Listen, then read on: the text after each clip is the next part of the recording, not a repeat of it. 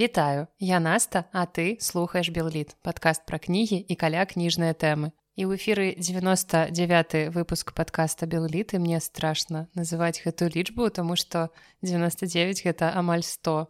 Это той момант, што яшчэ адзін падкаст і ўсё будзе трохзначная лічба і мяне гэта вельмі пужае. І соты выпуск я вам нагадаю будзе з адказамі на пытанні і вы можете патрапіць у яго голасам вы можете запісаць некае паведамленне для майго подкаста для мяне запісаць за што вы любіце падказ за што вы не любіце. Ну карцей вы гэта ўсё ўжо чулі на працягу апошніх Мабыць 10 выпуску а сёння ў эфіры чарговая ўжо можна казаць чарговае пасяджэнне КК анягош. Ты пытала про гэта мінулы раз? Але казаць нельга. І такім чынам у эфіры чарговае пасяджэнне кніж кніжнага клуба анягош у якім мы абмяркоўваем кнігу якую нам прапанаваў сярожа расскажы калі ласка што гэта за кніга і хто яе напісаў? Гэта прагучала так нібыта я зрабіў нешта кепскае нешта дрэнна і цяпер мне трэба апраўдвацца за ўсё.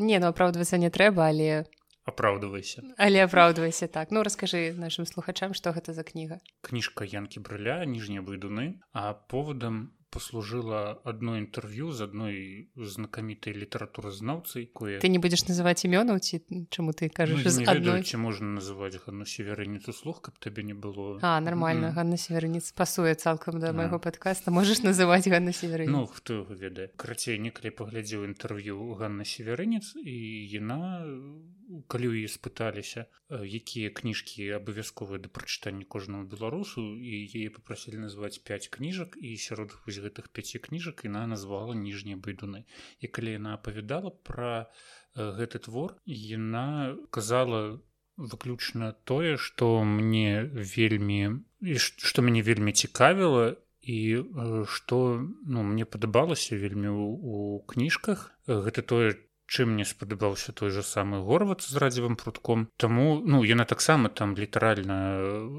трошки параўноўвала гэтыя творы і таму мне хацелася паглядзець таксама нейкія паралелі правесці паглядзець. Гэты твор з'явіўся ў мяне літаральна там праз некалькі дзён пасля вось гэтага інтэрв'ю. Але час усё не дах не даходзіў не даходзіў. Гады два-тры прайшло і вось урэшце час прыспеў і цяперка варта было стварыць цэлы кніжны клуб для таго каб сярожа нарэшце прачытаў гэтую кніжку. Ну ведаеш гэта мой мой быў таемны план канешне.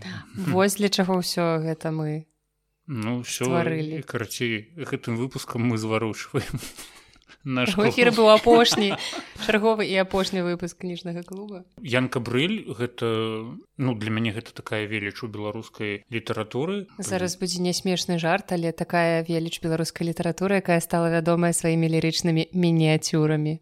І зараз павінны быць вось гэтыя гукі. Цыркуну дарэчы па мініяцюрах я адказвала на экзамене на білеце по білету Я спадзяюся ты атрымала дзясятку нешта такого? Кшталт. Калі я чую пра янку брыля я заўсёды думаю пра ягоны роман птушкі і гнёзды калі я вучыўся ў школе у нас гэта быў праграмны твор. Вот 11 здаецца клас. Вы а мы не праходзілі. Ну мы праходзілі. Мы праходзілі ў брыля толькі апавяданні лірычнай мініяцюры. Не, не ў старэйшых класах гэта быў год калі нам нас як... тобой розніца ва ўзросце мы вучыліся ў розны час так што ў наш час ужо не праходзілі. Ну верыш не я таксама пра гэта ведаю што ў нас з табой розніца ва ўзросце. Гэта стане для тебе ну, таму і кажу што калі я вучыўся ў школе мы гэта праходзілі. Мы на той час павінны былі здаваць выпускны экзамен па беларускай літаратуры але у мой год менавіта калі я выпускаўся са школы гэты экзамен скасавалі з абавязку вайсковых і як бы я не здаваў беларускую літаратуру але яго скасавалі за тры месяцы да здачы то бок два гады падрыхтавацца ты паспеў то бок два гады ну 10 11 клас мы хадзілі на белліт ўсё так старанна вучылі пісалі канспекты каб было па чым там рыхтавацца быў вось гэта каб назбіраць вось гэты мінімум про які трэба было там расказаць экзаменцыйнай камісіі. Вось у праграме тады стаялі птушкі гнёзды. Твор выключна пра заходнюю Беларусь про скажем так менталітэт заходняй беларусі і мне который жыў і ну, і вучыўся ў той час у цэнтральнай беларусі на лепельшчыне мне гэта было трошки таким дзіўнаватым. Некаторыя там думкі некаторыя вось гэтыя праблемы про які апавядаў аўтар. Але гэта было вельмі цікавым мы было вельмі цікава знайсці вось гэтыя вось паралелі нават тады для 17гадовага мяне. Я вось дакладна памятаю что я сидзеў у нас калі лазні на прызьбе і мне ну нам тады трэба было вельмі шмат прачытаць. І вось птушкі гнёзды. Гэта вось акурат прыпаў на той час вясна калі трэба было там у агародзе шмат чого рабіць і у мяне гэтая кніжка вось А ты замест таго каб штосьці рабіць у агародзе чытаў Не, гэта такімі мелкімі дробнымі перабежкамі на прызьбе кніжка лежала. Трэба адпачыць тады бераш ну чытаеш яе пакуль адпачываецца. Вось абы толькі школьную праграму вось гэтую прачытаць. Вось таму у мяне асацыяцыі вельмі стойкія і вельмі такія непарушныя менавіта з птушкамі і гнёздамі. Ну вось для мяне брыль пачаўся у школе з лірычных мініяцюр. Мы закончыўся. Ну прыкладна так там ж ну вось цяпер яшчэ ніжнія байдуны. Я далей працягваю мне ў адной кнізе сабраныя яшчэ іншыя творы что там золак убачаны здалёк яшчэ нешта я читаю далей. але трэба сказаць ну что ніжнія байдуны что птушкі гнёзды гэта вельмі такія біяграфічныя творы у янкі брыля я не ведаю Мачыма ён ну для яго было важно тое что вось мы называем аўтафікшаном так цяпер э, сённяшнімі днямі. Ну я не хочу казаць что Мачыма нічога не мог сам прыдумаць і распісаць прыгожа ты ўжо гэта сказаў. Ну канешне. Вось але тое что ён рабіў ж гэта на зародках антыфікш антыфікшна аўтафікшна. Ён рабіў гэта неймаверна прыгожа і ну да гэтага трэба імкнуцца шмат якім сучасным і не толькі сучасным пісьменнікам не сучасным пісьменнікам класікам таксама Ну і тады мы можам прынцыпе трошкі расказаць біяграфію аўтара таму што яна таксама даволі цікавая паколькі вось я ў сваім мінулым выпуску рассказывала вам пра венгерскіх літаратараў многія з якіх нарадзіліся зусім не ў венгрыі ў нейкіх суседніх краінах і тут у нас таксама такі пісьменнік які як не дзіўна нарадзіўся не ў беларусі Янка брыль нарадзіўся так у адэсе 1917 годзе але ў адэсе ён пражыў няшмат літаральна там некалькі гадоў і потым яны разам з бацькамі вярнуліся у вёску загор'е гэта ну была нібыта іх радзіма. Цяпер гэта карэліцкі раён гродзенскай вобласць вобласці але на той час гэта была тэрыторыя польшчы. Ну і таму у янкі брыля так шмат розных сувязяў з польшчай. У гэтым творы таксама часам перыядычна згадваюцца нейкія такія польскія гісторыі.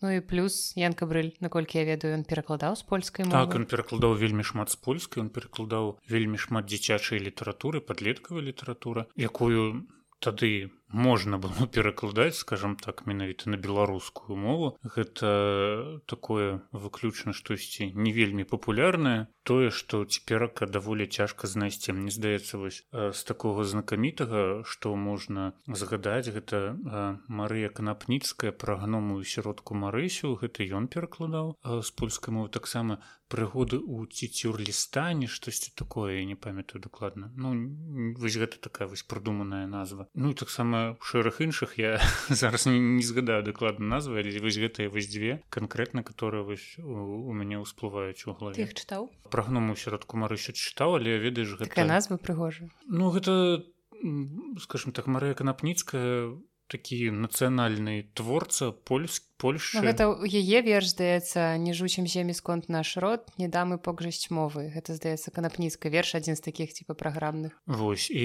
яна калі на там жыла ў 19 стагоддзе ейныя творы былі трошкі састарэлыя у той час мне падаецца у той час калі перакладаў брыль гэта ўсё на беларускую мову. Гэта былі там 60 70 гады. Калі мне правільна ўсё здаецца. А цяпер перачытваць іх ну ну гэта ўвогуле я мне цяжка ўявіць сабе дзіцёнка якому ну сучасная дзіцёнка якому б гэты твор быў бы вельмі цікавы который з захапленнем бы разгортаваў гэтую кніжку перачытваў бы ну гэта хутчэй застаецца як нейкі помнік эпохі. Так так гэта выглядзець што цікавіла дзяцей таго час не там такая міфатворчасць э, на на базе польскай міфалогіі і трошки там сваіх прыдумак дададзена не больш за тое важное тое что ён аджыўшы до 1939 года ён трапіў у польскую армію. І калі прыйшло першае верасня ён вядома мусіў бараніць польшчу і ён трапіў у палону пад гдыні яно ўсё правярае мяне.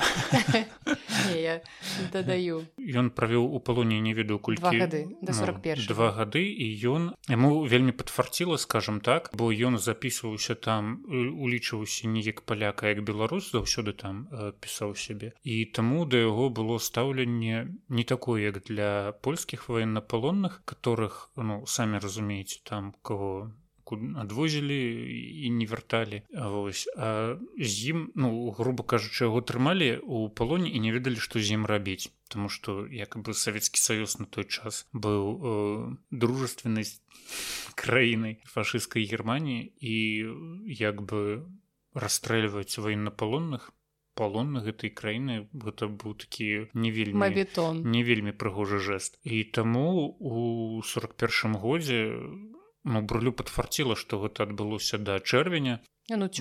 Ён уцёк сутнасці так. Ён уцёк разам з сябрамі ён просто ўцёк і тады потым змог вярнуцца ў Беларусь і зацясацца да партызану. Восьось і вось гэта ўся вось гэты адрэзак ягонай біяграфіі расказаны ў рамане птушкі гнёзды вось чаму я так упэўнена пра гэта расказваю ну і далей ужо. Пасля заканчэння вайны брыль шмат быў звязаны з літаратурнай дзейнасцю неяк адразу ён у яе упісаўся ён быў рэдак яшчэ падчас вайны ён рэдагаваў там усе гэтыя газеткі вайсковыя там ну, лісткі як гэта называлася і далей ён пачаў працаваць рэдактарам газет працаваў у газеце плакаце раздавім фашысцкую гадзіну працаваў там стаў вожыкам. Так вось потым ён стаў калі стаў вожыкам ён стаў загадваць там аддзелам рэдакцыі. Але ведаеш калі прасачыць вас зараз кніжкі которые вось выходзілі асабліва пераклады ну тагачасныя то шмат у якіх кніжках брыль быў менавіта рэдактарам так. Пра яго таксама шмат э, успаміналі беларускія пісьменнікі што ён быў нереальна клёвым рэдактарам. Ён вельмі чуйна ставіўся да словы ну ён вельмі добра мог падабраць вельмі добра мог сказаць чаму вось гэтае слово псуе менавіта тут на гэтым месяце лепш чым якое-небудзь іншае. Да таго ў яго было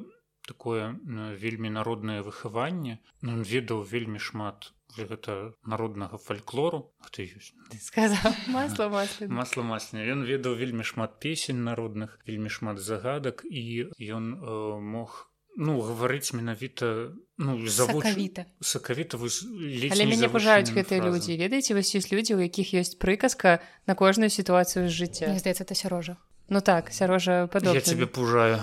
Так ну сапраўды таму што гэта часцей за ўсё у маіх бацькоў я такое заўважаю але яны часцей гавораць цытатамі савецкіх фільмаў. Іх на кожны выпадак жыцця ёсць цытаты савецкага кіно. Але рэальна ёсць людзі якія размаўляюць вось прыказкамі чымсьці такім народным.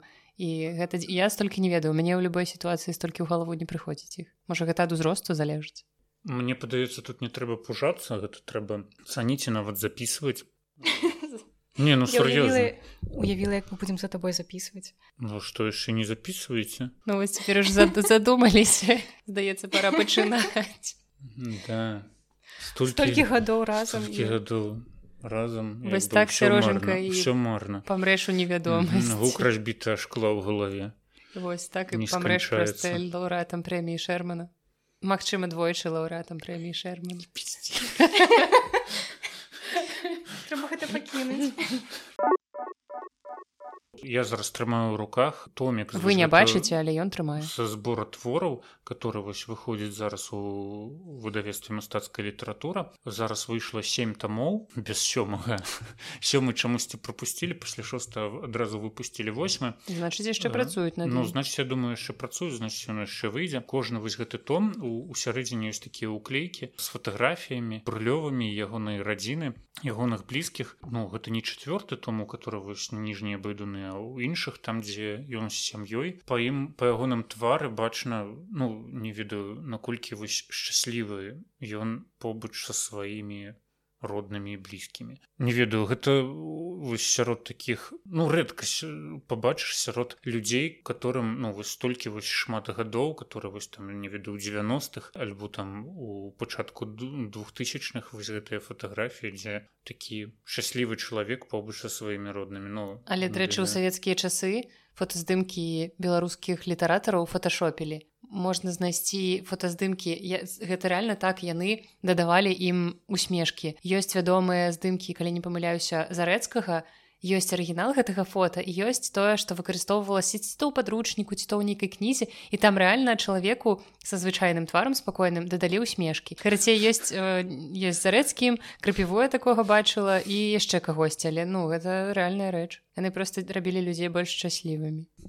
Якім чынам яны гэта замазюколі Ну былі ж нейкія спосабы я разумею што просто выразалі усмешкі з іншых так. фотаграфій Ну гэта прыкладна такое і было штосьці канешне зразумела у іх не было тэхнічных сродкаў праграмы гэтак далей але гэта неяк рэтуш Я думаю што гэта ад рукі штосьці там дамалёўвалася ну крыцей гэта рэальны факт.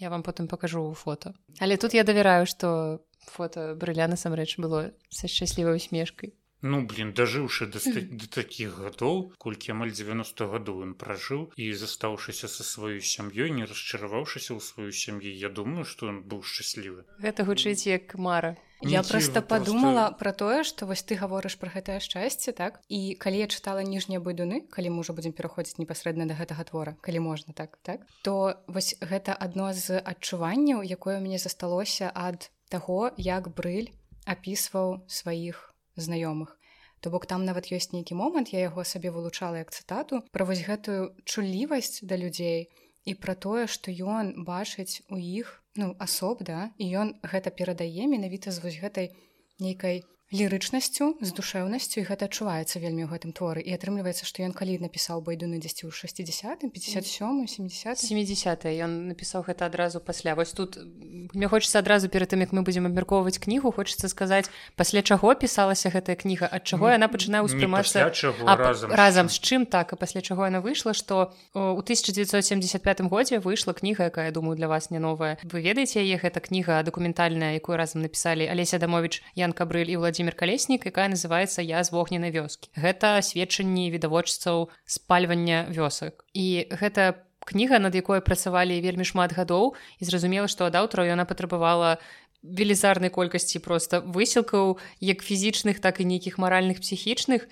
І гэта ўсё вось у звязцы з тым што мы чытаем у ніжніх байдунах успрымаецца даволі цікава бо ніжнія байдуны ў 75 годзе выйшлі якраз пасля гэтай кнігі. Так і вось гэтыя вось ніжнія байдуны сталі для брыля фактам пэўнага эскапізма. Калі ён ужо поўны перапоўнены вось гэтымі горам трывогамі перажытым нашим нашымі беларусамі людзьмі падчас другой сусветнай вайны. Ён ну я магу сабе ўявіць як гэта ну як вось падчас працы вось над такой кнігай як лёгка можна было згубіць сябе як пісьменніка як творцу са словам. Таму вось ніжнія байдуны сталі для яго такімі своеасаблівымі лекамі пры якіх ён ну прымаючы які ён мог просто уцекчы ад вось гэтай вось балючай жудаснай тэмы пра якому пра якую яму над якой яму разам з калегамі давялося працаваць. Так ён пісаў ніжнія байдуны даволі доўга даволі працяглы час. І у мяне тут нават у маім вось гэтым томіку ёсць таксама як гэта каментарый не каментарый у каментарах пазначаны альтэрнатыўная назва вось гэтага вось гэта твора. Спачатку на я хацеў назваць паварот з гасцінца потым вясёлае зямляцтва потым ён хацеў назваць малыя прылукі але ўрэшце спыніліся на назве ніжнія байдуны трэба сказаць што ян кабрыль вельмі перажываў за гэты твор тому что яму першае было вельмі цяжка уявіць сабе што э, гэтым творам ён нікога не абразіць. Яму вельмі не хацелася э, нікога пакрыўдзіць са сваіх вось аднавяскоўцаў. Таму ён там першым варыянце змяняў там прозвішчы, змяняў характары, э, абрысы да непазнавальнасці, абы толькі вось гэтыя людзі прататыпы якіх э, каб можна ну, было пачатку каб... ставіць дысклеймер, што ўсе супадзенні з рэальнасцю выпадковыя. Ну магчыма так, але Я думаю што ўсё адно вось гэтыя вось выпадкі яны мелі месца быць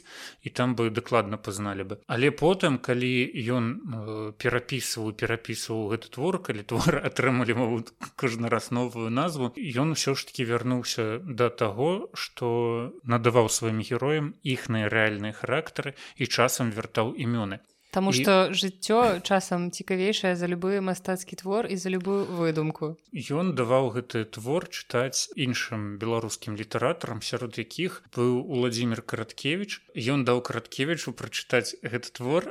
Ну і думаю як бы ну дам ну месяц малец там прачытае і потым верне караткевич не аддаваў 9 месяцаў яму ніжнія быду як дзіця выношваў і ён не мог ну брыль не мог ужо да я ну не ведаў як падабраць словы как сказаць володька можа ты там вернеш мне тое что ты тое что я табе некалі давал атрымліваецца адзін рукапіс яго просто забраў і 9 месяцаў ну, не забраў ён даў ему ну, на пачытаць гэта адзін экземпляр хутчэй за ўсё быў ну і потым калі ўжо брыль падышоў да караткевіча маўляў ці падавай вяртаю аказалася што менавіта ў гэты дзень караткевіч прынёс яму ну аддаваць аддаваць гэты рукапіс. Ён прыйшоў да яго вядома з водгукам і гэты водгук канешне шакаваў брыля. Ён сказаў што ягоная маці ну то бок маці караткевіча перачытывала гэтую ну гэтую мініпею альбо як я там назвалі зараз я скажу правильно перачытваў вось гэтую вось гэты твор некалькі разоў і кожны раз хахатала як не свая. Брылю было вельмі не тое што крыўдна яму было неяк непамысна ад таго што вось нехта яшчэ без без ягонага там э, запрашэння без ягонага спросу ну як бы тым больш такая даволі пажылая жанчына маці самога караткевич ну, ну караткевич тады можна было называть сам караткевічу ну цяпер можна было. Ось что ну грубо кажучы нейкая там кухарка перачытвае так рагоча. У гэтым творы ёсць таксама асобная жанравая назва под назва таксама і выдзяляюць. Зараз я тут гартаю трошечки кніжнага смру. Можаш гартаць у мікрафон. Ну толькі не стагнаць пашата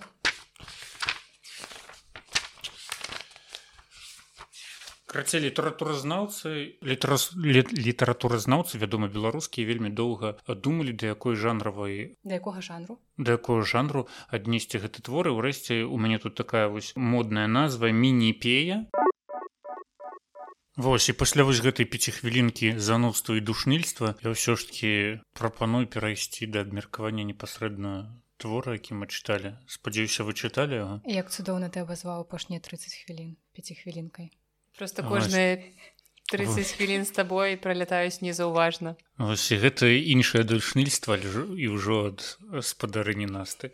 Давайте душнільства пяройдзем да уласнай гісторыі пра гэтую кнігу. Гэта па сутнасці можна назваць зборнікам апавяданню А можна я адразу скажу што для мяне гэта скарынкі на на мінімалках? Я б не назваў бы гэта не апавяданнямі гэта вось такое то бок вось... на рэпліку нас ты ты не адрэагуеш ніякія мои рэплікі не не я, я спачатку яшчэ думаю тое што ты вось ты назвала зборнікам апавяданню апавяданне для мяне гэта такі ну вось жанр который мае вось там пачатак канец якую-нибудь такую лагічна вось гісторыя которая а тут як бы Ну гэта такая вось лірычная замалёўка, чым якімі праславіўся Ян Кабрыль з вось гэтымі распавядальнымі ўстаўкамі. Ну і рассярожанька кажа, што апавяданне гэта ўсё ж такі больш штосьці сюжэтнае, то тут у гэтым выпадку сапраўды цяжка сказаць, што гэта ну то бок гэта кніга, якая складаецца з невялічкіх кавалкаў, але кожны з іх гэта просто як нібыта нейкі эпізод з жыцця. Гэта нейкія там думкі успаміны замалёўкі пра пэўных людзей. То бок нельга сказаць што там ёсць нейкая завязка кульмінацыя развязка. Вось таго што ты сказала ты маеш рацыю толькі ў адным про калі сказала про калі назвала цябе сярож сказала пра пэўных людзей кожны раздзел гэтага твора гэта аўтар успамінае пэўнага чалавека і ён распавядае што гэта быў за чалавек і якія выпадкі ну, вось, жыцця вядомыя вось па іншым аднавязкоўцам что там з ім здарылася і чаму ён менавіта вось такі ты... які ён ёсць які ён быў. Мне здаецца ты гіперпалізуеш Таму што брылі настолькі шмат пра іх расказвае. Гэта рэальна як кажа насця просто нейкія маленечкія дробныя кавалачкі ўсё А ты расказваеш нібыта гэта асобныя паўнавартасныя гісторыі пра кожнага з гэтых персонажаў ну, але сказ... сама ну... пачатку сказаў што гэта не апавяданне гэта хутчэй вось ну, лірычныя мінітуры ўсё роўна робіш акцэнт на тым што гэта нібыта цэлы характар табе раскрываецца. Не гэта просто нейкі эпізод ты нават не запамінаеш гэтых людзей. Это не эпізод а эпізоды звязаныя з чалавекам. І кожны раздзел ён прывязаны к канкрэтнаму чалавеку. Але там не настолькі шмат каб гэта можна было раскласці як цельную гісторыю не настолькі шмат. У прамым ну там ну нарэшце ре... пачынаюцца бойкі ў гэтым кніжку так там реально хапае столькі колькі там написано. я могу пагадзіцца что талент брыля настолькі вялікі што ён літаральна парай слоў можа ну, літаральна адным сказам ён дае такую характарыстыку чалавеку што нібыта вось цэлы вобраз чалавека перад табой паўстае асабліва вось пра тога мікітку які памянушцы тхор і разумееш хімічныя асаблівасці ён жа не абмяжоўваецца вось гэтымі парай штрыху. Ён ну цэлы раздзела у маім у маім выданні гэта там 567 сторонак на чалавека. І для брыля гэта даволі шмат. Вось у мяне ёсць да вас пытанне. Ён тут апісвае гэтага мікітку які ўсё-ткі гаспадары ўсяк так звалі мікітка а мянушка за пэўныя так сказаць хімічна абаронныя якасці тхорык у мяне ёсць пытанне. Якія такія ўтхара ёсць хімічна абароннай якасці і ці не паблытаў брыль яго са скунсам? Ну хутчэй за ўсё мабыць. Ці можа быць тады не ведалі пра скунса і скунсу называлі тхарамі? Ці можа не ведаю што. Таму што ну хімічна абароннай якасці мы разумеем якія маюцца на увазе але іх няма ўтхара не, ну, я не разбіраюся ў фізіялогіі тхаро ёсць жа такі звярок шашок который называется. Так это ёсць хор. Шашок ну, это іншая рэгіянальная назва ну, так же бароніцца тым что он таксама высек скун так что он вонючы такі мне нават ведала. глядзі так шашок. Шашок і тхор это одно і тое ж ну так паглядзі ўсё адно что ты як это? Ну у нас прынамсі дома казалі ты ну типа смярдзіш смярдзіш як шашок. Сур'ёзна не я толькі што прыдумаў ну я б не здзівілася Ой, боже мой адкуль такія беруцца з які з якой старадубкі ты вылезла. А ну ёсць такі факт што ў іх ёсць гэта называется параанальныя залозы якія выдзяляюць вадкасць якая моцна пахне. Але ладно карцей тады моя віна бо я была ўпэўнены што гэта толькі праз кунсаў я таксама про гэта падумала. Просто відаць у беларусі ж няма скунсаў так ёсць гэтыя тхары таму ён ведаў пра іх. Не мне здаецца распісалася такое слово так шашок мы не спрачаемся што няма шашкоў ёсць шашок этот хор. Шашок і хор гэта два, два розныя варыянты аднаго і таго ж звяра так. не такое слово шашок ёсць ёсць дык чаму ты не кажу я тебе кажу што шашок гэта рэгіяналізм хутчэй ну у сэнсе тут у мяне не пазначана што гэта рэгіяналізм Але дарэчы у слоўніку у лёгкай мове вось гэты каляндар які выходзіў у іх здаецца шашок быў пазначаны просто слова шашок але карацей шашок і тхор гэта адна і тая ж жывёла А скунс гэта іншая жывёла і пра скунса я ведала што ён Магчыма мы ўжо паловы падкаста абмяркоўваем фізіялагічна якасць нормально. і не здаецца тхор гэта такое агульная наз агульная назва для вось гэтых всех прыгожых грызуноў не твор і шашок гэта тое што ў рускай мове называецца словом харёк акуніца куніца гэта іншая жывёла а іншая па-беларуская на куніца і па-руская на куніца гэта розныя жывёлы нам патрэбен біёлаг у гэты падказ заолог так заолог дык что ты там пра тхара гаварыла не я казала что пра мікітку што вось так літаральна адным адной фразай прычым даволі смешнай брыль можа акрэсліць якасці чалавека зразумела што ён далей таксама дае ім пэўную характарыстыку але часам яму дастаткова проста проста аднаго сказу так э, я с тобой пагаджуся что э, ну хоць у чымсьці нарэшце алелуя ён пагадзіўся ён успамінае як гаварылі ягоныя аднавяскоўцы і ён адной фразай здольны паказаць там я не ведаю не толькі апісанне вось нейкага персонажа але таксама і стаўленне гэта персонажа там да іншых людзей. Напрыклад як нейкі мужик клікаў сваю жонку гэй ты ціграў сурыйская хоць сюды штосьці такое ну блин так гэта ну реально один вось такі сказ і ты ну і за гэтым сказам хаваецца столькі ўсяго і потым брылі яшчэ пачынае расказваць вось гэтыя гісторыі которые як пазл складваюцца у вось у цельнага персонажа потым ты разумееш что гэта ні разу не персонажа что гэта жывыя людзі ну так і мае быць Ну мне здаецца што адно з самага яркага ў гэтым творах гэта якраз такі вось гэтая мова сакавітая тыя выразы якія брылі выкарыстоўвае і спалучэнне слоў. Ну у тым сэнсе што мне здаецца гэта можна шмат абмяркоўваць Таму што гэта штосьці выразнае для гэтага твора. Ну ён там такія рэчы выдае кшталту высокі сутулавата здаравенны нейкі не тое што дурны як гаварылі некаторыя а такі сабе прастарэка нядоля як бы здаецца і пакрыўдзю але гэта так міла што ты нават не крыўдзіся ад гэтых слоў. Ну ён мне здаецца тут таксама быў трошки засцярожлівы бо ён жа разумеў што гэты твор маглі прачытаць ягоныя аднавяскоўцы а яму под, ну, под... ты кажаш там спрабаваў перарабіць а яму, а яму потым давядзецца ісці міма іхных двароў і як бы ну насяруць яму пад дзверы Ну ён жа ўжо выехаў адтуль але там калому у плечы атрымаць мог. Я калі чытаў я нават выпісаў усе вось гэтыя прозвішчы усе вось гэтыя мянушкі якія былі дадзеныя там аднавяскоўцу. Там быў такі захар которого звалі не захар а захара чамусьці.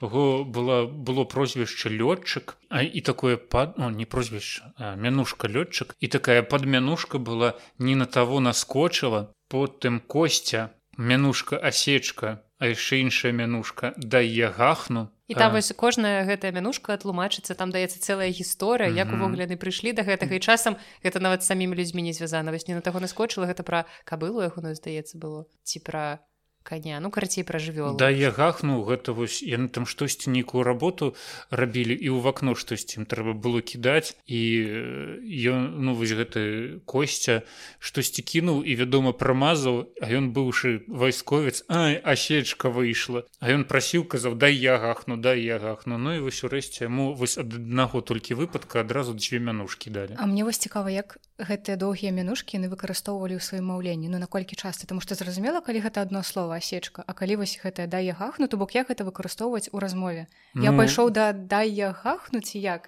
Мне здаецца что ну гэта такая двойная мянушка калі там под пэўны выпадак ты выкарыстоўваў штосьці адно святочныя як... дні. У святочныя дні. Не калі гэта больш пасавала. Гэй ты да я гахну куды ты пайшоў? Ну такое. У іншых выпадках выкарыстоўвалась вось гэта асечка. Потым быў я нават не, не ведаю не выпісваю каго звалі насамрэч быў такі чалавек з мянушкай пучок у якога была яшчэ одна падмянушка. Не хачу хлеба дай сала сідар гоп метроша рогач. Боже что мне написано какое там лицо было деловое лицо важное лицо вот. важное лицо метроша рогач важное лицо, лицо. Угу. Тодар Клімович грамузда альбо ён затрубіў Петрык страдыварыус который на скрыпцы іграў который з вайны прыйшоў з Геррманіі настоящага страдыварус настоящую скрыпку нейкую вельмі такую вытанчаную прынёс і вельмі вельмі ёй ганарыўся і вельмі вельмі яе бярог але за ўсім вось гэтым кожна вось гэта мянушка якая давалася кожнаму чалавеку яна была звязана з пэўнай з пэўным смешным выпадкам з пэўнай смешнай гісторыі і скажем так брыль ён не хацеў прыніжаць вось гэтых людзей ён просто хацеў расказаць як гэта насамрэч было як ну насамрэч прывяло да таго што у чалавек замеў такую мянушку. І мне асабіста не хапіла таго не хапіла мянушкі самого брыля. Вось хацелася б каб ну каб вось гэтае вось было ў самого брыля ён бы адразу бы сябе паставіў ну нароўні з ну, так людзьмі. атрымліваецца нібыта такі старонні назіраннік у адным з эпізодаў ён расказвае яго называлі антоныч просто па, ну некаторыя персонажы да яго звярталіся антоныч гэта ягонае сапраўднае імя па бацьку. У адным э, з эпізодаў я хочу закончыць урэшце гэта што хацеў ён ён расказвае пра тым як ён прыйшоў да мянуш да мянушцы двужыльна якого называлі. Але разумееш ну калі там сідар гоп альбо не хачу хлеба да і сала і вось гэтая мянушка двужыльна ну яны трошки там з разных вагавых катэгорый. Таму вось хацелася каб у бурля таксама была было нешта такое вось камічнае у ягонай мянушцы. Ён сам сябе зрабіў вось такім жа персонажам вось гэтых ніжніх быдыноў як і ён сам. Ну ён хутчэй пакінуў сябе проста за натоўшчыкам каб вывесці гэтых персонажаў на першы на першы план і сябе ўжо так не выдзяляць асобна. Ну ён вось як ты казала што для цябе гэта скарынкіна на мінімалках але скарынкіну я называю летапісцам з маргоні. Ну вось брыль таксама быў летапісцам сваёй мясцовасці і не ўключаным назіральнікам. Але мне яшчэ падабаецца што думаю што мы некую лухту гаворым там Мне падаецца што ён ужо колькі выпускаў падкаста так гаварыць але яшчэ што мне падабаецца гэта тое што не, не толькі ён расказвае пра персанажаў і дае ім нейкія характарыстыкі часам самі персанажы пра сябе гавораць і гэта бывае таксама даволі смешна так што ну э, я не думаю што ён так ужо моцна баяўся іх пакрыўдзіць бо яны самі пра сябе маглі сказаць чаго-небудзь як напрыклад цімох які казаў пра сябе які я там бабнік просто адзін баюся спаць і таксама гэта вылучыла А яшчэ мне спадабалася пра гэтага цімоха што ён цытата з германії ці мог прынёс трафейная кавадла і мне так гэта вобраз запомніўся тому что ну вось я уявіла чалавека які цягне з сабой з самой нямметчыны такую штуку. Но некаторыя цягнуць пральныя машынкі унітазы а хтосьці трафейная кавадла сучасны актуальны военны мой любимы персонаж у гэтай у гэтай мініпеі жыцік мініпіх. Свінка которая маленькая. Мініпіх і мініпея Ну, гуйныя пік гэта так. Мой любімы персонаж гэта дзядзька сцяпан і мне вельмі спадабалася ягоная як ён любіў дзяцей як он скажем так не тое што здзекаваўся як ён их пад'ялдыківаў як ён як ён з імі гаварыў на іхнай мове як дзеці яго разумелі як дзеці да яго цягнуліся. І там ну адзін з тых нямногіх эпізодаў дзе я не ведаю я з замілаваннем рагатаў калі да яго прыйшла дзяўчынка і такая кажа дзядзька там у нас царква там стаіць яе учора пабялілі а як яе бялілі? І дзядзька такі кажа ну ну як бялілі? Павалілі царкву пабялілі і потым зноў паставілі ну і дзеўка такая малая з адкрытым ротам гэта ўсё слухала Ну і я думаю што верыла за чыстую манету у кожнай сям'і ёсць такі дзядзька які табе нейкую чухню расказвае ты калі малы ты ва ўсё гэта верыш. быў такі дзядзька я спрабую згадаць у маёй сям'і здаецца быў хтосьці такі не мой ну не мой дзядзька у сэнсе не брат майго таты але нейкі такі быў мужик які перыядычна нам малым просто а у нас быў такі бомж у двары у нас быў бомж памянушцы пельмень замілаваннем яна сказала у нас такі бомж у двары быў вось гэта цуровае серабранскае дзяцінства мы сябравалі з бамжом і вось нам пельмень олег расказваў розныя гісторыі але потым памёр ад алкагалізм сумная гісторыя але тут есть яшчэ больш сумная гісторыя пакуль мы записываем падкаст прыйшла вельмі сумная навіна про тое што памёр акцёр майкл гэмпан які вядомы па ролі дамблдара ў фільмах про гарары поттера але ну я, я заўсёды такія навіны успрымаю да не вельмі сумна калі чую потым што яму было 82 гады класны чувак калі б ты жыў беларусі паглядзім паглядзелі лі б мы колькі б ты пражыў Вось такая сумная навіна Мачыма вы не ведалі але будзе вам свежа свежачок Ну маладзец мужик такое клёвае жыццё пражыў ну, ну усім ну. бы такое жыццё пражыць і так запомніцца такой ролей. і каб пра цябе яшчэ і пісалі калі ты памёр ну камон. Ребята вы так я не ведаю. Давайте яшчэ хусткі апранаеце хуценька чорна так не мы наадварот я дачытваю да ўзросту і такая ну окей чувак пражыў годнае жыццё Але мне падабаецца як усю гэту жартоўнасць усе весь гэты гумар ён разбаўляе ён сэнсенка брыль разбаўляе часам такімі даволі сур'ёзнымі развагамі. Ён нават пачынае з гэтага. Мне падабаецца як ён расказвае пра тое што вось тое што я хачу цяпер гаварыць таксама ўжо гісторыя. Паўстагоддзя ад завірухі ў цёмную ноч горны хрыбет вайны які пралёг паміж тым часам і сённяшнім днём. Круты пераход ад вузкай цераз палосіцы ў індустрыяльны сацыялізм. Гэта так кантрастуе з тым што ён расказвае потым з усімі гэтымі камічнымі гісторыямі што стварае таксама такі даволі цікавы ён таксама вось я не ведаю як ты казала адным двумя штрыхамі показывае про тое што вось гэты смех вось гэтая камічнасць што яна нараджаецца з такой згаротнасці з беднасці тое што людзі у которых лёс не самы просты которые перажылі вельмі шмат дрэннага ў сваім жыцці і такога чаго там не пажадаеш нікому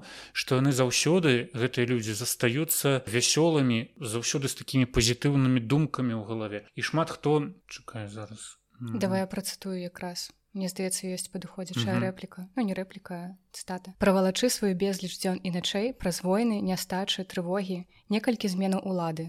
Тут можна і стаміцца і засумаваць а людзі гэтыя спяваюць так шчыра хораша на два галасы нягучна аднак яшчэ ўсё молада і ім самім відаць таксама добра і сумна і добра я потым вось чытаў каментары ў сваім вось гэтым выданні. У сваім выданні. І літаратуразнаўцы кажуць што брыль прыпісаў пра смех якім у гэтай вёсцы смяяліся самыя нешчаслівыя і абдзеленыя. Ён казаў што Ну, вось гэты літаратуразнавец сказаў што вось гэты смех гэта такое неад'емнае абавязковае права вось гэтых людзей. Адзінае што ў іх засталося з іх вось гэтым цяжкім пакручастым лёсам гэта вось менавіта смех. Там грубо кажучы хтосьці там прыйшоў за дарванай нагой з вайны. І не толькі з вайны так? Mm -hmm а ён працягвае смяяться у тых месцах у тых рэчах дзе там здавалася б людзям зусім не да смеху. Тое што вось гэты смех гэта такое вось ратавальнае што вось гэта як я ўжо казаў што гэта такія лекі сталіся не толькі вось для самого брыля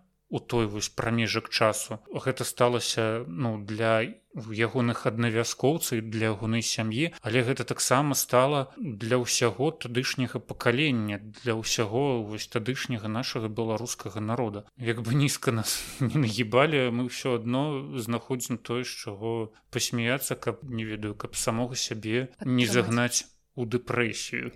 Мне адразу згадваецца Віктор франкл Таму што якраз ён такі казаў пра тое, што смех вось калі ў канцлагеры вось гэта пачуццё гумару можна захаваць, то ну гэта тое, што дапамагае трымацца. І гэта тое, што дапамагае трымацца ўвогуле ва ўсе часы.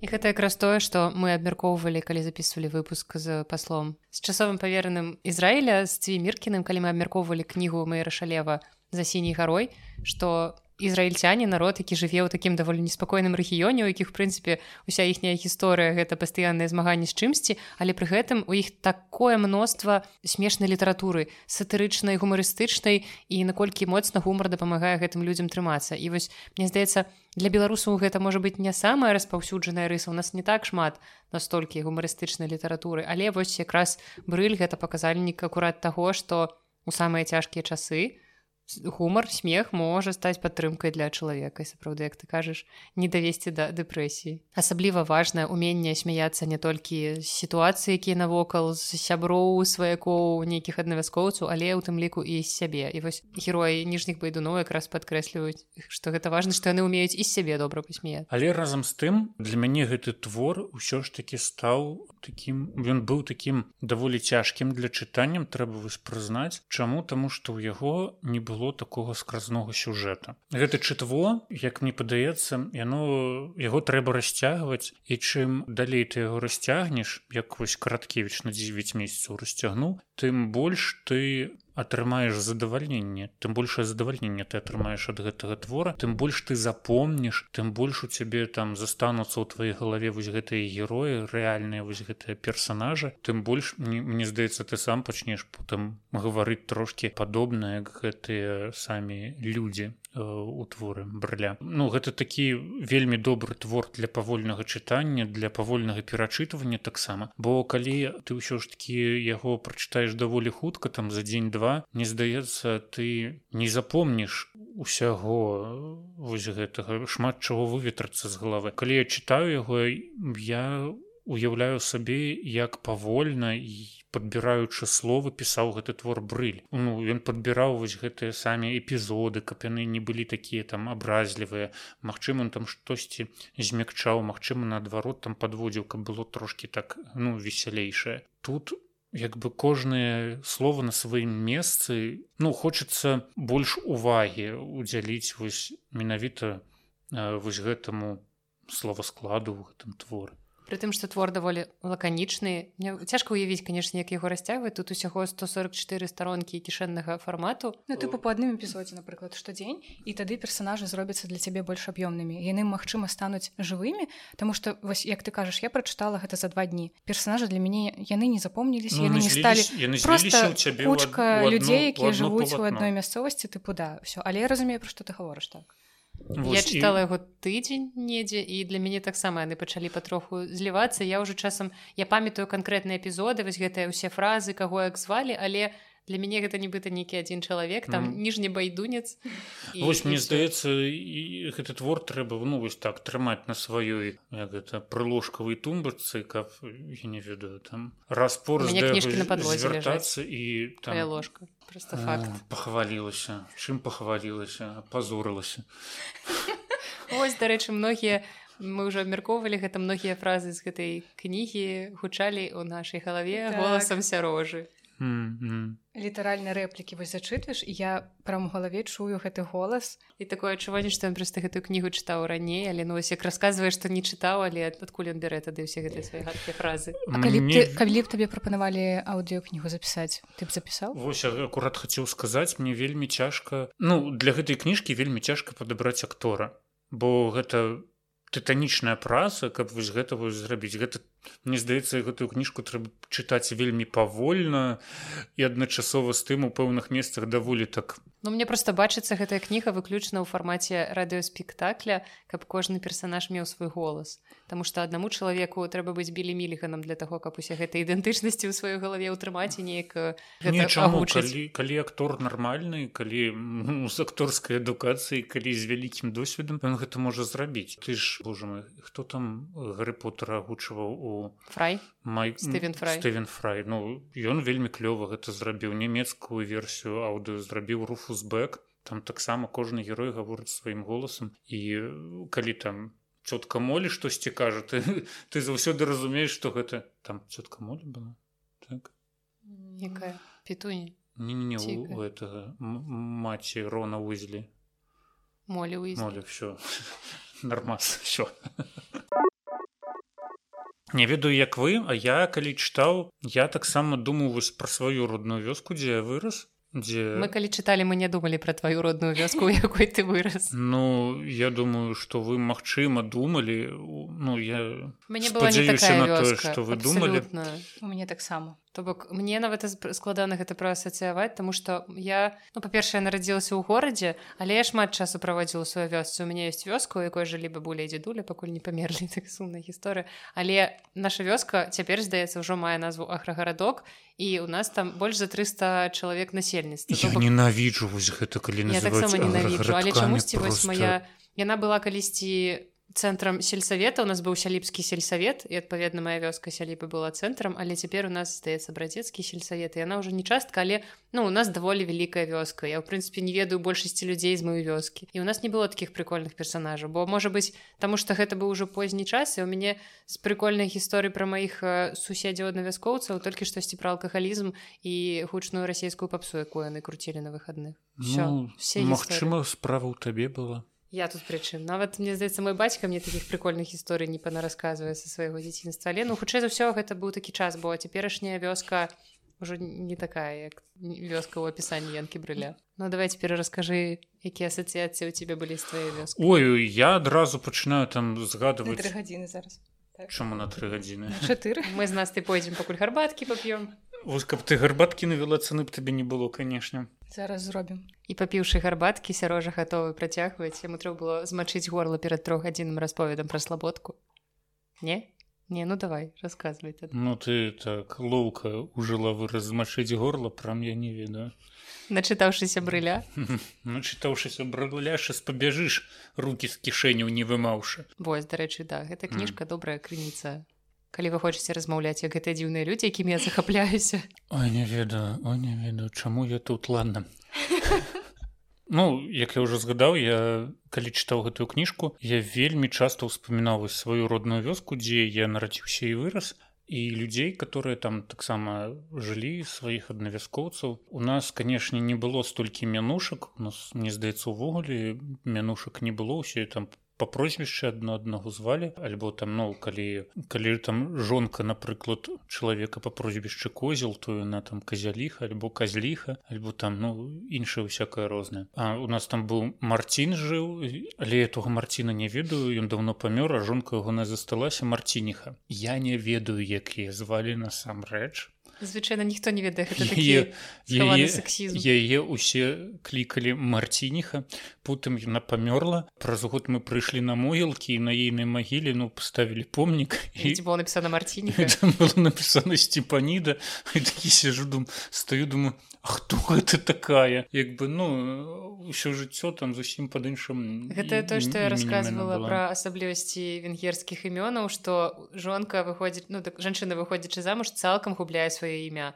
то бок у нас ну ты хаця б на помніку будзеш напісаная сціпаніда там нейкая а ў іх ты будзеш на помніку напісана іменем мужа прозвішча мужа і прыстаўкай ны все і нас таким захапленнем гэта рассказала быццам на мяне гэта вельмі ўразіла калі я слухала просто я там реально ты ходзіш па могілках і просто бачыш на могілку дзе пахаваная муж і жонка ў адной магіле там два аднолькава імені толькі да другога дададзеная гэтая часцінка ну все а тое что там у як у, у амерыцы у той же самой калі там ну фільмы глядзелі калі там пра вяселле пра якую-нибудь ідзе і калі там усіх кажуць там спадарыня містер такі-то такі-то містер звычайно... смит. Ну не не там кажуць там містер Джон смит і місіс Джон смит. Так ну, гэта таксама дзіка так ну, гэта такое сабе вось так я згадываў слабодку і наших вось людзей которые там жылі мне адразу прыгадаўся у нас там жыў сярод вёскі дзед адзін яго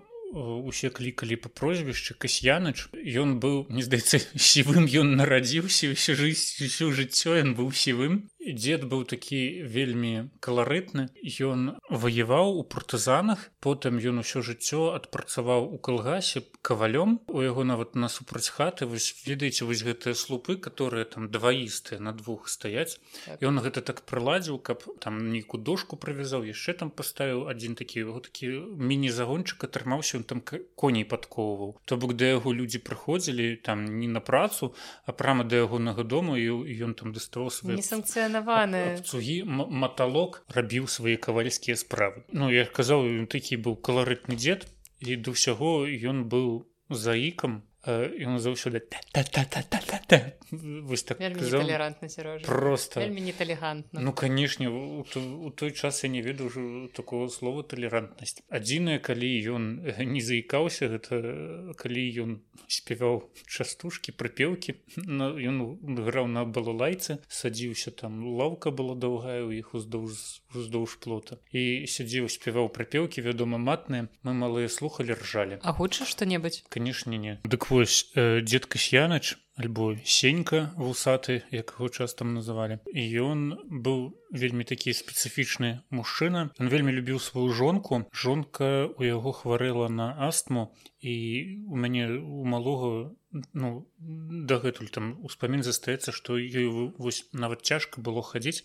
І калі нахадзіла і на заўсёды хадзіла з такім вось гукам сама. І вось яна так ідзе выдаючы вось гэты гук так і лягчэй пэўна было ад гэтага ўсяго я не ведаю. Але ну у мяне вось з дзяцінства вось гэта вось, ну перад вачыма стаіць вось гэты ўспамін. Дык вось сенька быў такі вельмі цікавы мужик аднойчы у яго завяліся краты на дварэ. Ну на на агародзе. Вам не рассказываў гэту гісторыю не добрае удакладненне што не ў арганізме. І крацей ён вырашыў вывесці гэтых кратоў ну по-свойму а вядома што тады ў тыя часы інтэрнэта не было і ён прыдумаў такі метад ён узяў э, дастаў з дому газавы балон і вось гэта вось кратавінне адно которое ён там і, і разрыў і шланжак усунуў просто ў эту дзірку ну і все і пусціў газ туды мне цікавіць вынік ці спаліў ён сваю хату каб, там, каб, каб травануть тых кратоў ну кратыў а ён не падпальваў просто газ пусціў пакуль што пусціў толькі ага. газ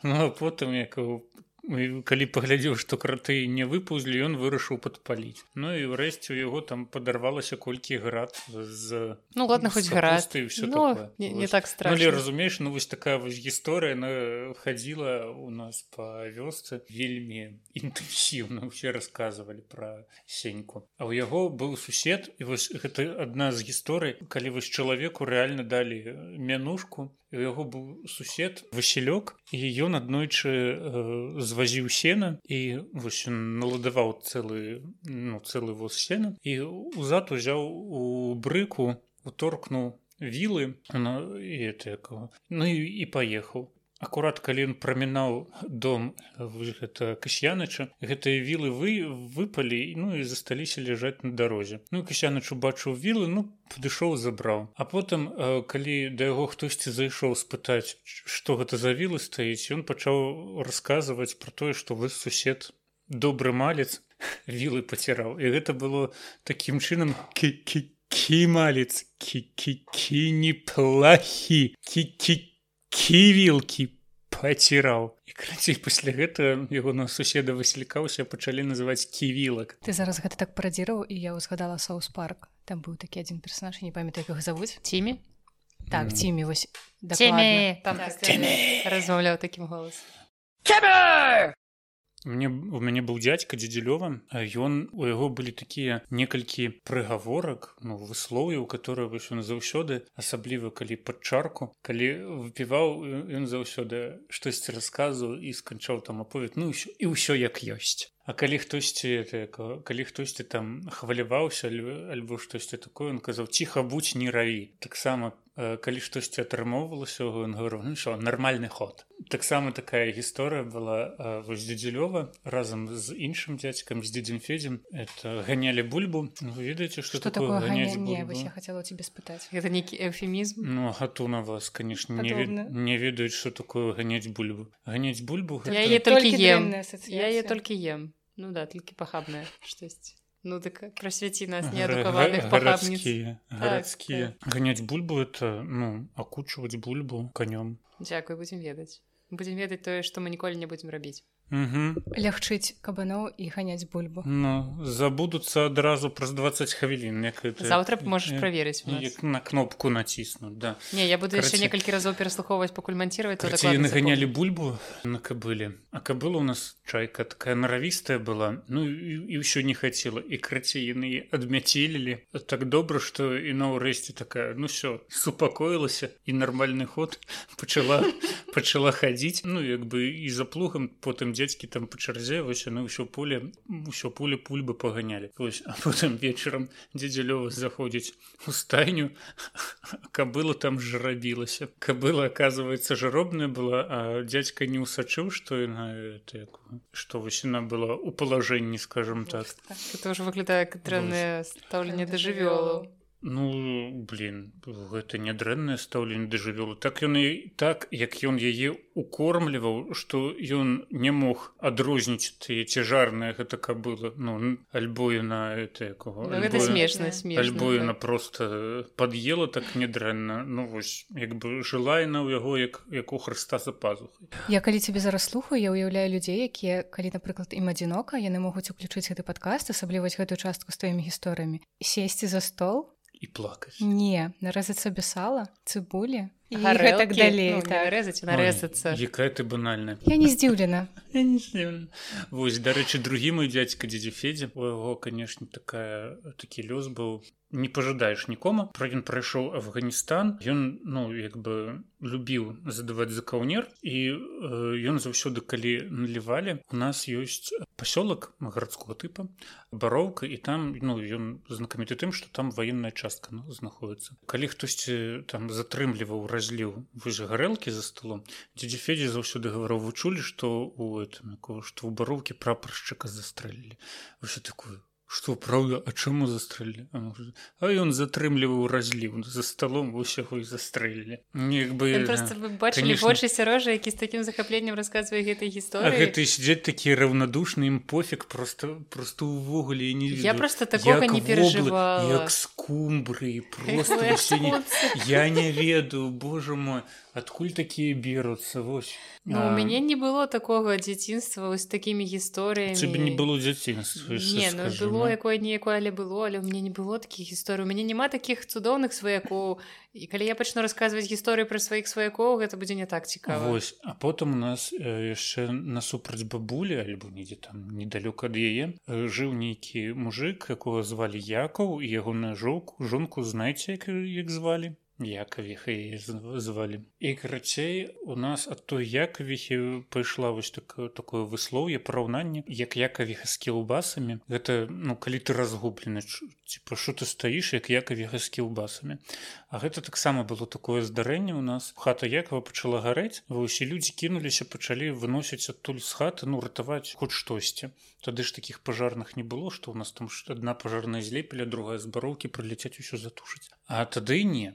Крыцей э, вось гэта гэта было ну гэта мне моя мама рассказывала гэта, гэта было можа у якіх у 60-х годах можа яшчэ раней. І карацей вось дзядзя федзе мой который там про што ў бароўкі это прапаршчыка застрэлілі ён тады быў малады ён заскоківае ў хату там хапае штосьці і ты выносіць. Ён заскоквае забегае праз сене ён глядзіць у сенях якавіха вось гэта стаіць. Ён раз заскочыў а яна там у, у куце штосьці стаіць такая там, і, і рухаецца на мінімалках. Ён раз заскочыць Ну ўсё там стаіць другі раз заскочыць там схапіўшы там яшчэ штосьці прычындалі якой-небудзь Яно ўсё стаіць і потым інде падходзіць а яна вось настолькі агаломшана вось гэтым горам тое што яна хата гарыць настолькі вось разгубленая у іх там аказваецца у сенях стаяла такая скрыням якіх яны захоўвалі сала і кілбаса. І вось яна просто у состоянии у стане шока эфекты на адчыніць гэтую скрыню дастанець адтуль кіўбасы зачыніць скрыню потым зноў раскрые кіўбасы пакладзі зноў зачыніць. Іх такого ну постоянно ну і дзядзька казаў тады ён і за шкірку разам з тымі кіўбасамі выцягнуў з той хаты і далей цягаць але вось гэта ўся пасля вось гэтай гісторыі пасля повяду майго дзядзькі вырас у нас такі захаваўся як якавіха з кіўбасамі а Я хацела вас пытаць пра слова якое тут было. не на вы не... ну, давай, я нават не магу яго правільна напэўна прачытаць з першага разу яна вельмі доўгая у одно слово. Раз пра наперакувырку тваю ты що не ведаеш что ты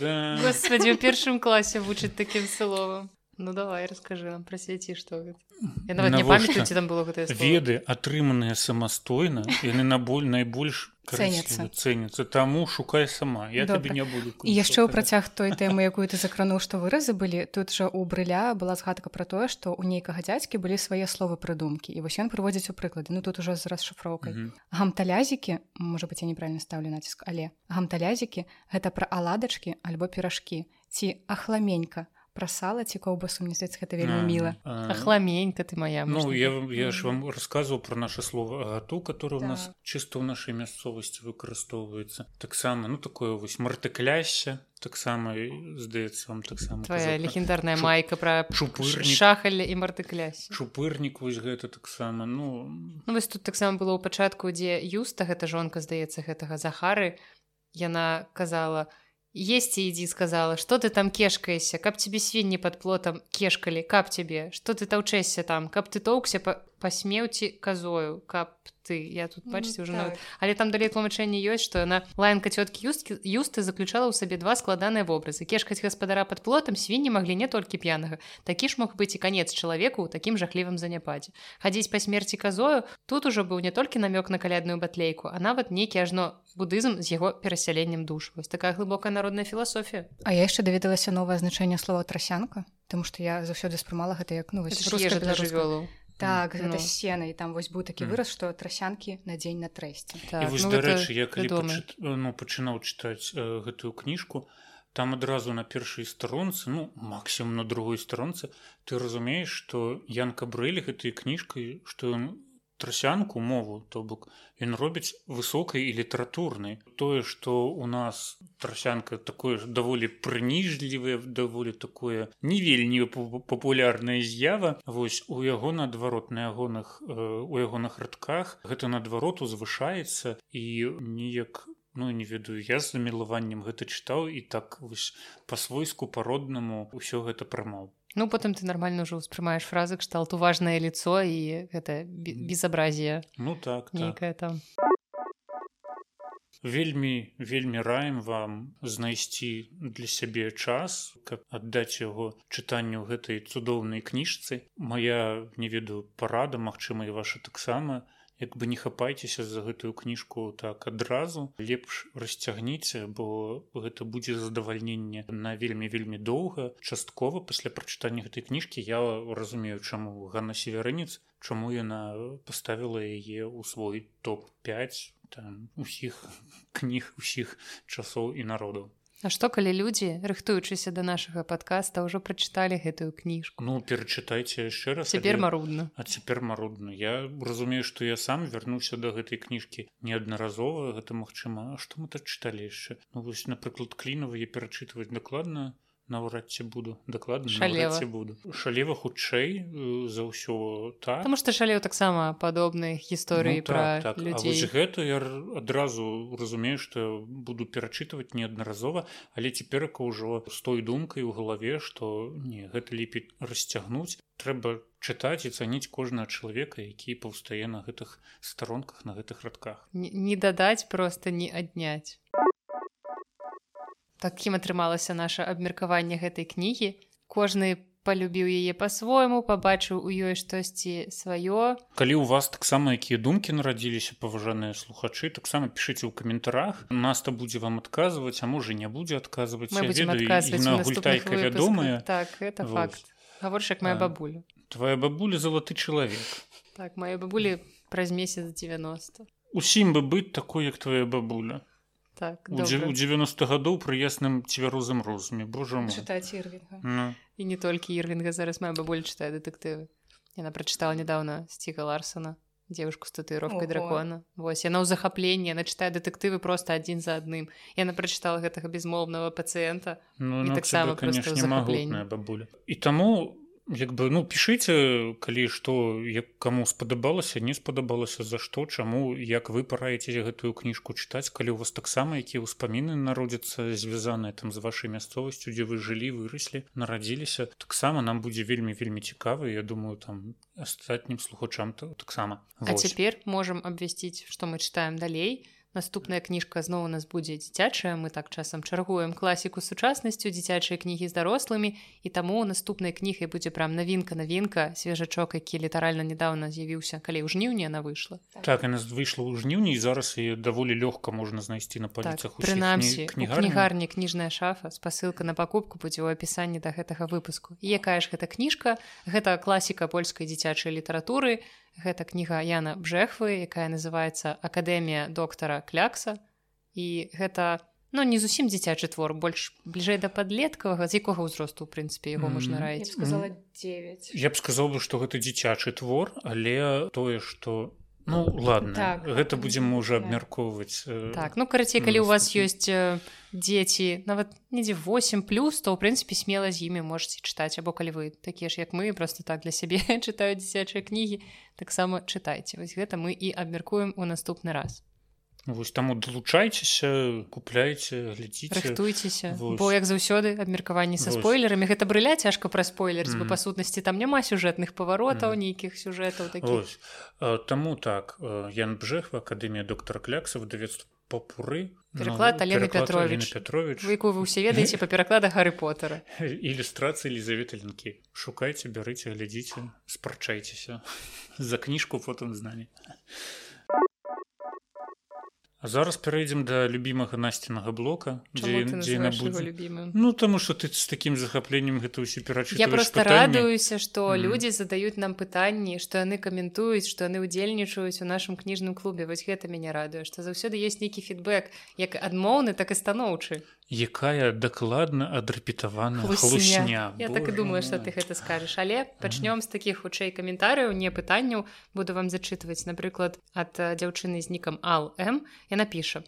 Апошнія 10 10-15 гадоў людзі пачалі надта эмацыянальна рэагаваць на чужыя меркаванні. Няможна просто так пачуць як нехта філалагічна разбірае твор і не абурыцца. Дякую вам за падкаст. Я асабіста за тое каб вы далей просто выказвалі свае меркаванні не аглядваючыся на нечае незадавальненне гэта якраз тое што мы ў мінулым выпуску абмяркоўвалі што хтосьці расчытаў нейкую агрэсію нейкую жорсткую крытыку ў нашым падкасці хаця насамрэч мы просто гаварылі тое што мы думаем. І я цалкам згодная што гэта вось такая новая талерантнасць апошняга часу калі ты просто баіся лішняе слова сказаць абы чалавека не пакрыўдзіць і гэта псуе мастацтва гэта насамрэч вельмі шмат замінае развівацца мастацтву любому кінамастацтву э, літаратуры музыцы тэатру усяму. Я лічу што людзі зашмат сталі сапраўды Мне здаецца калі б мы не былі такія эмацыйныя нам бы ну вам бы не было што слухаць нам бы не было што расказваць не? Так цалкам падтрымліваю Таму ну расказваць эмацыйна пра што-небудзь такое асабліва калі цябе штосьці торкае штосьці чапляе чаму не. І калі, калі ты сказаў прынцыпе... слово торкае нас танцімунік заусміхалася і калі ты ў прынцыпе можаш абгрунтаваць чаму мы ж не кажам штосьці не абгрунтаваны мы звычайна неяк пацвярджаем сваю думку прыкладамі так што ну, звычайна так. Збольшага так часці за ўсё І наступны каментарый падоб на падобную ж тэму ад Евгенія Бянькоўскага На тэму дрэннага негатыву пра абмеркаванне кніжак. Здаецца гэта больш асаблівасці ўспрымання. Спадзяюся не толькі майго. Амаль заўжды ўсё што памятаеш з пазітыўнага агляду кніжкі гульні фільма гэта добра а з негатыўнага ўжо памятаеш нейкія дакладныя хібы. Ну гэта вельмі цяжка штосьці тут казаць таму што я б не разглядываю тое што мы рассказывалі пра ты ну, ранейшыя творы негатыўна. Мы яшчэ здаецца не, не пра адну кнігу бы... не выказаліся негатыўна і сказалі што она нам вельмі не падабаецца жахлівая кніжка ніколі не чытаеце. Пакуль што ўсе кніжкі якія мы мы бяром. Притым што часцей за ўсё мы пачынаем іх чытаць абвяшчаем про тое што мы будзем іх чытаць яшчэ да таго як прачытаем то бок мы не заўсёды самі ведаем mm. што нас чакае ў кнізе. Але пакуль што не было такіх выпадкаў каб мы сядзелі абураліся які жах ну, мы прачыталі. кніжка было суцэльная гаўняцо. гаўняцо то як бы ну, мы так бы і назвалі бы я упэўнены чтоб мы там правялі прыклады розныя. Але ну пакуль што такога не было і калі мы скатываемся до такого вось вельмі як камусьці можа падацца негатыўнага стаўлення негатыўлена негатыўнага разгляду. Ну блин гэтыя эмоцыі чаму бы не? Так ну як піша Евгений гэта просто асаблівасці ўспрымання зразумела што ніх не ўсе аднолькава расчытваюць тое што мы гаворым і гэта гэта ж круто наадварот атрымліваецца дыялог наадварот атрымліваецца вось гэты фідбэк які мы атрымліваем да таго ж як бы мы ж не апошняя інстанцыя Мачыма хтосьці свой негатыў наадварот наігрывае вось а хтосьці ўспрымае потым гэты наіграны негатыў у сур'ёз чаму бы не. Наступныя некалькі пытанняў будуць прысвечаныя сярожу.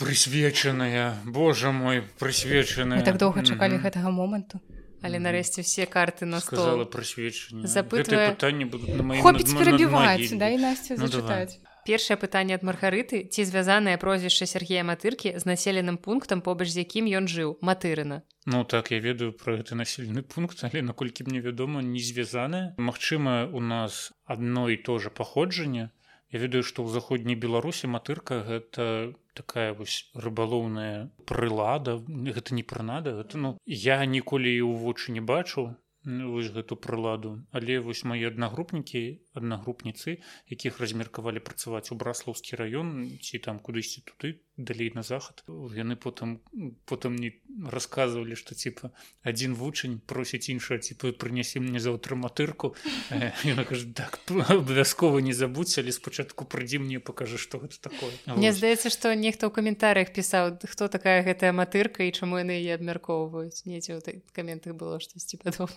і наступнае пытанне тады. Колькі дзяўчат закахалася ў Сергея матырку за ягоны голас? Правядзіце апытанку. Калі ласка калі вы закахаліся ў Сергея матырку за ягоны голас? Бо інакш цяжка закахацца ў чалавека. Пішыце калі ласка ў каментарях нават калі вы мужчына не саромцеся не хавайце свае пачуцці. Але канешне ласка лепш хавайце. хавайце. Нікому не паказвайце прашу вас наступныя каментары ад касі ён таксама зноў жа пра той выпуск дзе мы абмяркоўвалі дзіцячую літаратуру кася піша а наконт гапеевай за ўвага ў чытачкі не з беларусі ёсць думка што напэўна актуальнымі дзіцячыя тэксты мусіць быць у першую чаргу для беларускіх дзетак у беларусі. Не ўсё ідэальна ў гэтай кнізе але я асабіста ведаю некалькі дзяцей якія дужа упадабалі жэньку ну а я люблю калі ў дзіцячых кніжках сустракаюцца не ідэальная мама і тата са сваімі касякамі і заскокамі бо хто з нас ідэальны? А тут нагоды на сябе зірнуць і з дзецьмі паразмаўляць. Вось цудоўная думка про тое што кнігі беларускія аўтары мусяць пісаць для беларускіх чытачоў а не азірацца на тых дзяцей якія жывуць у эміграцыі Таму што ўсё ж такі гэта беларуская літаратура гэта твор беларускай культуры які мусіць успрымацца які потым калісьці будуць чытаць людзі і яны праз гэты твор будуць разумець эпоху у якой мы жылі а не нейкую выдуманую ідэалізаваную эпоху якую хацелася б бачыць іншым чытачам. Вось дум ну гэта той про той выпадак ну пра жэньку калі мы так, там эпізод так. калі там про канструктор не абавязкова. ну карцей вось тады слухачка была не вельмі задаволеная тым што навошта дрэнная дрэнныя рысы якія ёсць у нашым грамадстве пераносіць у кнігу і мы тады якраз сказалі што навошта яе ідэалізаваць? Ну па-першае так это, ну такое ёсць Ну тут як бы трэба прызнаць у беларускіх сем'ях не толькі ў сем'ях у людзях ёсць дрэнныя рысы якія-небудзь заскокі назовём гэта так. І ну так чаму б іх не пера, не перанасіць у літаратуру і гэта першае а другое калі вось такія штукі такія заскокі не перанасіць у літаратуру то про что тады про что тады пісаць про мусіць быць нейкая праблема про, конфлікт про барацьбу э, добра з яшчэ дабрэйшым чым-небудзь ну гэта такое это была цікавая кніга не ну чаму у за савецкім часам вось вы паглядзіце гэта кіно большая перемена так так і вось, і вось калі там паглядзець там заўсёды канфлікт добра з чым-небудзь яшчэ дабрэйшым і заўсёды там нейкае такое вось непаразуменне хтосьці нешта не даказаў хтосьці штосьці не так зразумеў Вось і ну такая пазіцыя перанесеная ў кніжкі ну одну другую трэцюю ты так прачытаеш а чацвёрты это уже не сумна Таму мне наадварот падалася ў тым эпізодзе вось гэта вось мамачка даволі жывой не Ну там маці і тата абое па-свойму жывыя і тата, які там як я казала голас розуму калі маці штосьці забаранялі ёсць тата які можа паглядзець на гэта пад іншым вуглом. Ну такое таксама бываюць такія сем'і. Не ўсім жа бацькам быць дрэнным. Наступнае пытанне таксама зноў каментары ад стаса 1984 Ён піша гэта асаблівы кайф слухаць абмеркаванне кнігі якую ўжо прачытаў і ведаеш пра што ўвогуле гаворка. Нешта адгукаецца з таго што заўважыў сам і пра што гаворыце і вы. Нешта наадварот заўважаеш новае на што недзе не звярну увагі. Карацей цудоўны фармат буду абавязковай далей рыхтавацца да наступных паседжанняў. Дзякуй О, Боже мілутака так сапраўды. Я думаю што дарэчы цікава пачуць каментары ад людзей якія слухаюць падкаст не рыхтуючыся то бок калі яны не ведаюць пра што кніга слухаюць нас і можа быть толькі потым чытаюць цікава ўвогуле меркаванне выш того что як мы абгаворым наколькі напрыклад гэта падобна да якого-небудзь не веду урока беларускай літаратуры? Не падобна.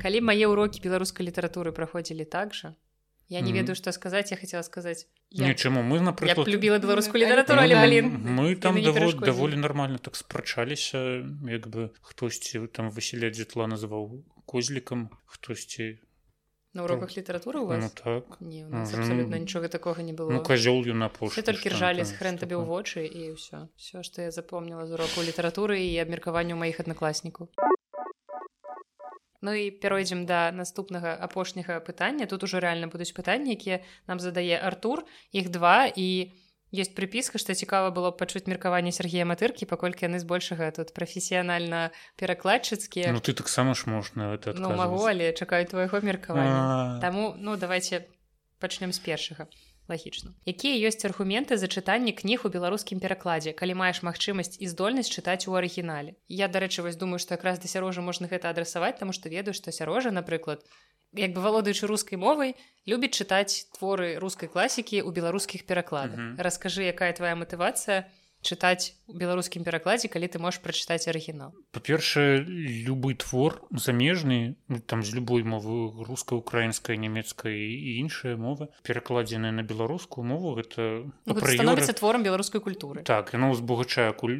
культуру беларускую і нешта такое прыносіць вось такое адметнае даволі такі клёвы прыклад который можна правесці одна перакладчыца перакладала кніжку дзеянне якой адбывалася 400 гадоў таму і ёй было вельмі цяжка знайсці мову на якой э, павінны гаварыць персонажа гэтай кніжкі. Права ў тым што дзеянне адбывалася вось сярод каралёў сярод вось гэтых высокапастаўленых асоб гэта не тыль кельмана? Ну гэта тыль кельмана я просто не хацеў называць э, не твор нет і справа ў тым што ў беларускай мове сапраўды вось гэта пласта літаратуры пласт літаратуры который вось адбываецца сярод таких высокіх людзей э, шляхетных ён як бы не распрацаваны. Мы не ведаем напрыклад як вось гэта павінна гучаць вось сярод там высокага саслов'я старая літаратура якая вось ёсць перакладзена на беларускую мову напрыклад ёсць э, тут ганс як прыстав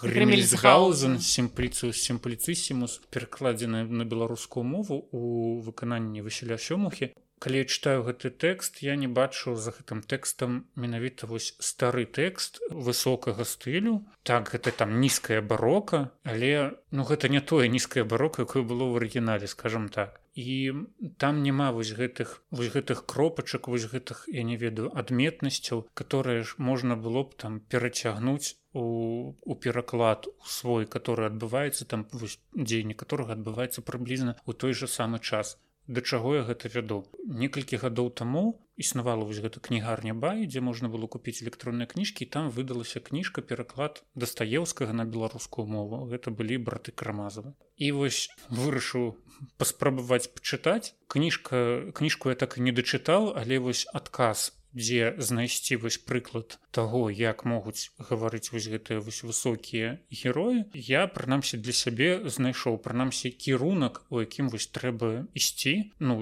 я вось знайшоў Ну, што можна вось звяртацца. Там просто вось гэтыя формулы моўныя вось гэты этыкет ён увесь перададзены калі там недаслоўна але ну у беларускім выкананні гэта вось гучыць даволі вось высока даволі па-старому назовём гэта так. Таму тыя недахопы которые вось ёсць існуюць у беларускай літаратуры як я сказаў вось гэтыя нераспрацаваныя пласты гэта ўсё можна знайсці. Вядома калі ты першы раз пазнаёмішся з гэтым творам по-беларуску но гэта будзе вельмі крут ты адразу будзеш бачыць вось гэтыя ну вось гэтыя месцы которые ты можешь просто літаральна выдзернуць там для распазнавання эпохі часу групы у якой адбываецца гэта ўсё дзе там все абмяркоўваюць. Чым больш мы вось такога скажем чужародных твораў у сябе панацягваем тым багацейшая і мова будзе нашай тым больш распрацаваная будзе наша літаратура і